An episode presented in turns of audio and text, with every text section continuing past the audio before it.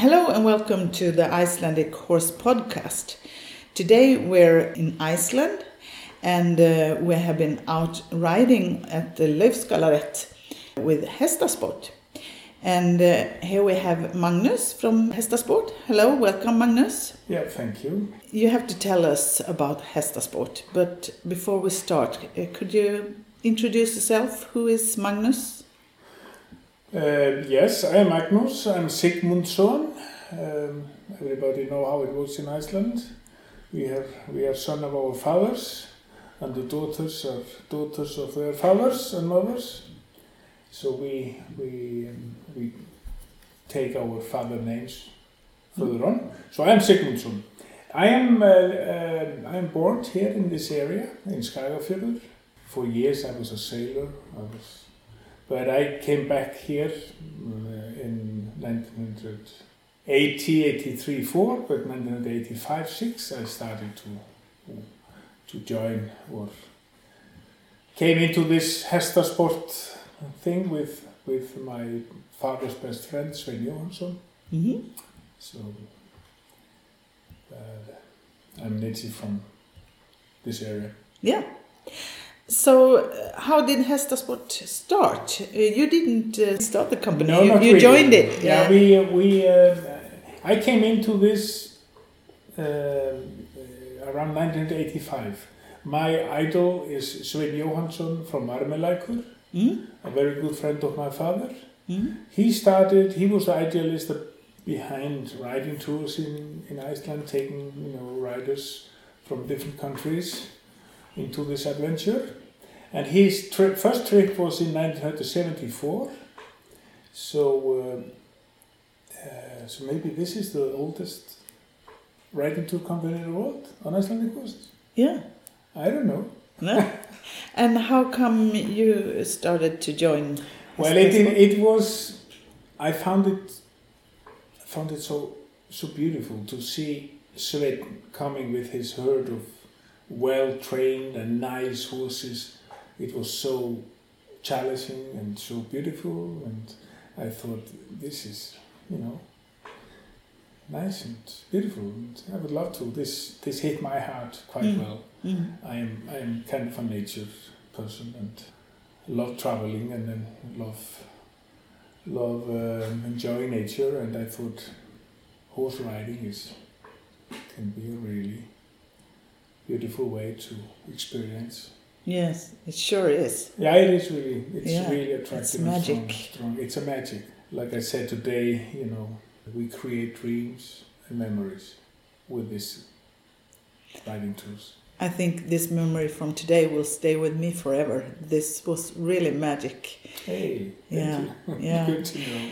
Um, are you the owner of the company? Well, let me say me and the bank. Yeah. Okay. Well, we have also a very, very strong and and um, and um, true partner, friend or partner, Katja Brücker. Mm? She came into this 18 years ago into the office, and she is still working here, and she is unbelievable uh, personality and unbelievable character, and she has really helped me a lot, and I hope she will be a partner. Mm? Nice. Do you, do you work seasons or do you have activities the whole year? We are open uh, uh, all, all year around, and this was um, when I started long ago. The season was from 15th of June till 10th of August. Okay. Then the tourist um, tourist season or the you know the traffic was only two months or so. Mm. But now this has changed, and after 2010, after the eruption in, in Eyjafjallajökull and and all this, all of a sudden, it started to bloom really. Yeah. There were there were many strong and unbelievable team behind the building of the tourism in Iceland, and many of them of these fantastic or s- strong team are gone. They're they they died. They they never experienced really to see this blooming like it is blooming now. Mm.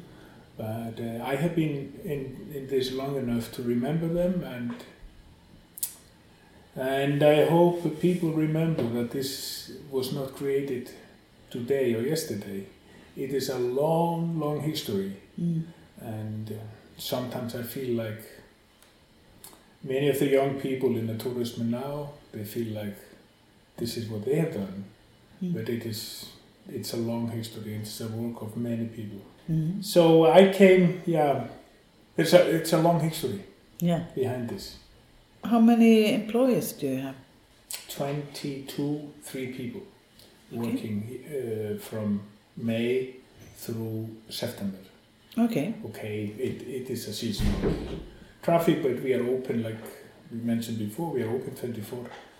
Mm. Will Uh, some no. work the whole uh, year? Yeah, yeah, Yeah. we are now six or seven working whole, all year round. Mhm. Uh, but of course, it is it is seasonal.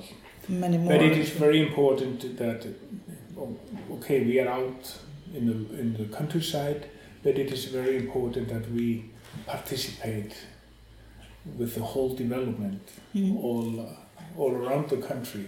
Mm. So people still have the chance to visit us. Okay, it's a very low, it's a low season and low traffic and nothing to compare to Reykjavik or or many other areas. But still, you know, there are people love to drive around Iceland and hunt the northern lights and Yeah. and It's they beautiful. just stay and visit and relax and go riding and Mm. yeah. How many horses do you have? We we occupied around 150 horses over summer Okay. when we have long tours going on, but over over winter we we limited or we are using maybe 15, Mhm. 20 horses. Mm. That's Do you all. lend horses or? It is both. We have some really strong partners around us, but Mhm. company owns um, part of it. Mm? But, uh, but it is it is both. We lend and borrow and Mm. and. Um, Do you have your own breeding too? Well, I am not so I'm not so strong in breeding. I do it a little bit for fun, but my father he was he was quite good in this, Mm-hmm. And I believe he is he and another friend of him here in in, in the valley uh, from uh, Friggi Friggi from Glæsibær. Mm. I believe they are behind the the, the, the highest judged horses in the world. Mm-hmm. Is, do you have a horse in Sweden called Vikingur? Yeah. I I do. believe they are they are part of this horse. Mm. They uh, they had a Friggi had a really famous and beautiful stallion called Svalur Mm. from Glæsibær some 20 years ago. I don't know if you remember this. And my father he used the Svalur Yeah. uh, for his breeding for one summer, and all of the spring uh, offsprings, the foals, became good or really good uh, riding riding horses. Yeah. And the most famous one was Gymir from Vindheimar, and Gymir broke his leg. He was supposed to be a world champion horse, Oh. but he broke his leg at Hella. Okay. I don't know if you remember this. Miriam. So- Miriam is sitting here beside me. She's nodding. Yeah. She remembers. Hinrik Braga, Yeah. unfortunately, poor Henry, he was riding Gymir, and and uh, this was the the the new world champion. The Mm. three, uh, the, but this ended like this, Mm. unfortunately. You have different tours, riding tours. Yeah, many different tours. Okay. How many? Well, uh, this year, this we have tried many different uh, tours. Mm-hmm. Uh, for example, when when Svein, my father's friend, started this in 1974, the tour he did was across the country, across Iceland, from Mm-hmm. the north to south. Yeah. He took a group of 13 pe- uh, group of 13 friends from Switzerland and rode across Iceland over Okay. Kjöller. And this was the start of this fantastic tour across Kjöller. And this has been so popular to ride across Iceland over Kjöller, south to the north or opposite. And we did this for many, many years, and we also developed tours from us, uh, from Skagafjörður area to the Mývatn Mm? lake area. Yeah. And we were the first one to develop raft uh, riding tours Yeah. uh, uh, to do uh, sheep roundup and horse roundup. Mm-hmm. I believe we don't think there were anybody doing this when we started this long, long ago. Mm. But um, step by step, since we have been so long in this, we we are, to be honest, a little bit giving up on Kjolur because it is so overcrowded. There Okay. are so many people traveling there, horse riders and bikers and hikers and whatever. Yeah. So we have developed uh, our tours up to the Hofsjökull Glacier. Tours we call we call Destination Wilderness. Mm-hmm. Uh, this is the really it's a fantastic wilderness trip. Yeah. How long is that for? It, it, it goes for six and a half day like we plan it now, Yeah. and we had yeah we had really successful groups this summer. Yeah. And um, yeah, Will this tour includes everything Yeah. of what I, Iceland can offer in Okay. riding. Okay. Yeah. Uh, and will they go uh, and stay the night with the horses on different places, or Yeah. will they? Yeah. This is this is the similar like like so many uh, many riding companies in Iceland are doing. You know, staying in cottages and, and traveling from from from a cottage to cottage Mm-hmm. and experience the beauty of nature and, and experience the, whatever traveling in the highlands can offer. So that is a six-day tour. Yeah, it's Yeah. Uh, six and a half days in the south, Mm-hmm. and it leads us uh, from Skagafjörður up to Hofsjökull. You see the glacier in the middle, We're looking at the map here. Yeah. and then uh, through the desert up there. This is quite a sandy and desert area, Yeah. and uh, we take a circle, take down Easter Valley down to the back home. Do you have uh, shorter tours also? Yeah, we have also um, a lot of. Uh, we we uh, we try to attract or offer to people traveling around uh, the, around an island in rental cars. Mm? We have this one-hour tour we call Pleasure in Every and Mm. then we have a two-hour tour we call Country Life, and so on. We try to make it make it nice for all everybody to visit us. And uh, Mhm. How big is the groups uh, when you when you do? Okay, we have tried uh, long ago. We were really trying to do like everybody else, uh, book like uh, 15 to 25 people in a group, Mm. even on a long tour. Mm. But very soon we gave up. So in 1998, we ran into that problem to overbook a, a group. Mhm. And on top of that, it was overbooked, and then on top of that, we had the snowstorm. So we learned our lesson that, that this is stupid. Mhm. So we, we changed the policy and tried to limit try to limit the group. Mm. And uh, we are now doing 12, 13 people, 14 maybe. Mm. But we, we took it down to, it and we wanted to increase the service. And uh, we have done many different uh, tours and we have tried many different ways to, to attract people. Uh, the last idea was to build up a tour we called Iceland Deluxe, Mm. Highland Adventure Deluxe actually. And uh, this was a really kind of successful. And we found, it, found out that there are many people, there are many riders that would love to come to Iceland and go riding in, in the highlands, and, but they would not like to stay in a, in a simple cottage, Okay. sharing a room with many other people. So we developed a tour where everything was included, uh, all the charming of, of riding with the herd and, and up to the mountains, but we, we accommodated people in a double made up beds. And this was really interesting and beautiful. And, uh, and uh, this is absolutely what should, should come also, in Yeah. addition to what, all, what is still on the market.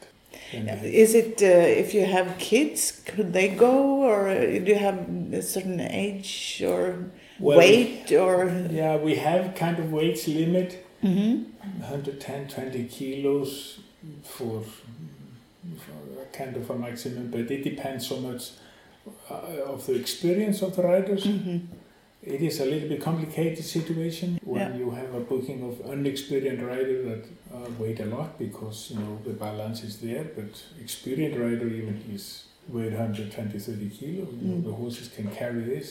It is it is more this risk of, of Yeah. balance. We take a six years old kids riding independently. Okay, sometimes we take them on on, on leads, the we, we Yeah, on okay. hand horse, but sometimes they just ride alone with parents. Mm. Uh, but also if we have a program called Children Program, Okay. where we offer people to come with their smallest kids and just to smell the horse and, Yeah. and feel, Yeah. sit on a, on a horse, but then we are just in a small paddock, so they are not limiting the risk. Okay. Do you have other things in your company? I, like we live in the cottages up at Hestasport. Yeah. Uh, so you rent out Yeah. beds and so on. Let's say like I have I have been I was quite I became quite interested in building up the tourism. Mm. In the beginning it was number one the riding. Mm. It was kind of a hobby. It was kind of a holiday Mm. for us to take groups or, or be part of the riding in the beginning, the first years. Mm. But after a few years, I saw that there are so many nice things we can do. And all the visitors that came riding with us, you know, the, the response from them and the, the comments, they this convinced me that, that we should uh, we should be more focused on what we can do in the tourism and building up the tourism in, in the valley Mm. Or in be part of it of course uh, around the island or, or for Iceland. So we started to to uh, look for whatever we could develop and do new. Mhm. And the first thing we did, and this started in 1992, we started a program called Meet the Icelandic Horse. Mhm. This was Hestasport. We started this. And this was meant for people traveling in buses and uh, people that were not capable to go riding. But we absolutely wanted to introduce the horses to them. And they were so keen. There were so many questions and they were so interested in this. Yeah. Okay, the the idea came because I saw so many people traveling in buses here around, and they wherever they saw horses, they stopped Yeah. and started to take pictures. So I thought, why don't we do something about this, and why don't we tell them, you know, the story and we show Educate them the them, gates, yeah. and- because this is a unique breed, as you know. It is- Yeah, there it are- is. I don't know if there are any other breeds in the world that are naturally five-gaited like the Icelandic horse. As far as we know, Mhm. no, there is nothing. Nobody, no other breed. Mm. So this was step by step. The Icelandic horse is kind of a trademark Yeah, of, sure of. Iceland. You know, this is this is really what is special, and it is a really honest and true, true animal. Yeah, and it is. true story there. Mm. So after uh, this was very successful, and this uh, okay, we were operating this for 15, 16 years only here in the valley. But then you know it started all over the country, so there are I don't know how many uh, companies uh, offering this presentation of, of horses. It's all over the country. But we also what we what we were looking for very mm, desperately was something special that nobody else could do.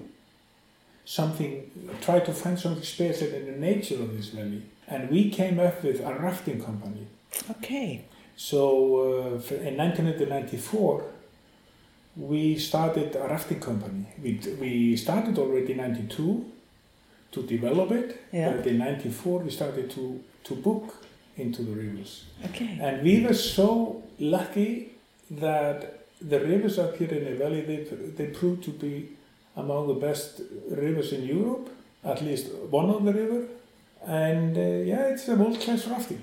Okay. And we were operating this for 20 years. Hmm So, but then it was too crowded. It was too much to do rafting and riding and all this. And uh, there were like 50 people working here. And uh, the year, then we decided to sell it Okay. because you know, can you imagine? On three or four months, we had 6,000 people here Mhm. in this little room for a cup of coffee and sell, buying rafting. So we sold it to to uh, to a company, and then later on to it was sold to raft guides that were working here hmm from Nepal and, and, and Canada. Okay. So they they doing the They, rafting. they moved it further up to the valley, okay. and you know this is our baby, so we want this to go ahead, and Yeah. it is really flying. It's Yeah. really really nice. Yeah. Yeah. But uh, another thing that it was all going on with 1900, yeah, from 1992 till 2002. Very soon we found out also that the lack of accommodation, especially for car for people traveling in rented cars, and this is the reason we built up these cottages. You know, people traveling in rented cars they had so limited possibilities here. So we thought, why don't we build up a small village up there? Yeah. And this is what we started. So in 2002, we, we the first houses came, and we started to book in there in 2003. And it's really nice. We live there in a little cottage, All right. and in the middle of all the cottages there is a jacuzzi, a heatabot. The. Yeah. yes. It's fantastic. All right. Mhm. Nice. Thank you. Good to know. Yeah. Yeah. It is very popular actually, and, and on a year, all a year round, people are co- coming and booking this. and Yeah. It's Nice. really improved a lot. We would like to to be part of this evolution and, and uh, try to put more ideas into this, but but I feel like we have done a lot. Mm. We have brought up many new ideas and and uh, successful ideas. Mm. So yeah. You keep up the good work. Yeah, we, we absolutely. It is the, the quality of service, the quality of work, limit the sizes of group, group for example, with, with the shorter tours. Yeah. This is so important to to uh, work, to to keep the quality, not line up with a group of 20, 30 people. Uh, try to limit it down to something like five or ten in a Mm. group. But uh, I don't know if this is possible because salary is rising and it's Mm. more and more difficult to operate Mm. this quality. Who knows? Well, I can re- strongly recommend doing a tour like we have done today when we were riding at Laufskálarétt. Uh, it was uh, very nice horses, um, very willing, very good tölt and everything. It was so much fun. Uh, so I hope many people will be able to experience that. It was really a, a memory for life. Thank you, thank you very Thank much. you. Yeah, it is this Laufskálarétt is kind of a, it's a it's a big show, Yeah, but it is also you know full of experience. But it is it is this, it is a show yeah, it is. with all this two three hundred riders around. I. Yeah, and all the loose horses. Yeah. Thank you so much for taking your time. Thank you much for coming and have a safe return home We will. and enjoy your stay in Iceland.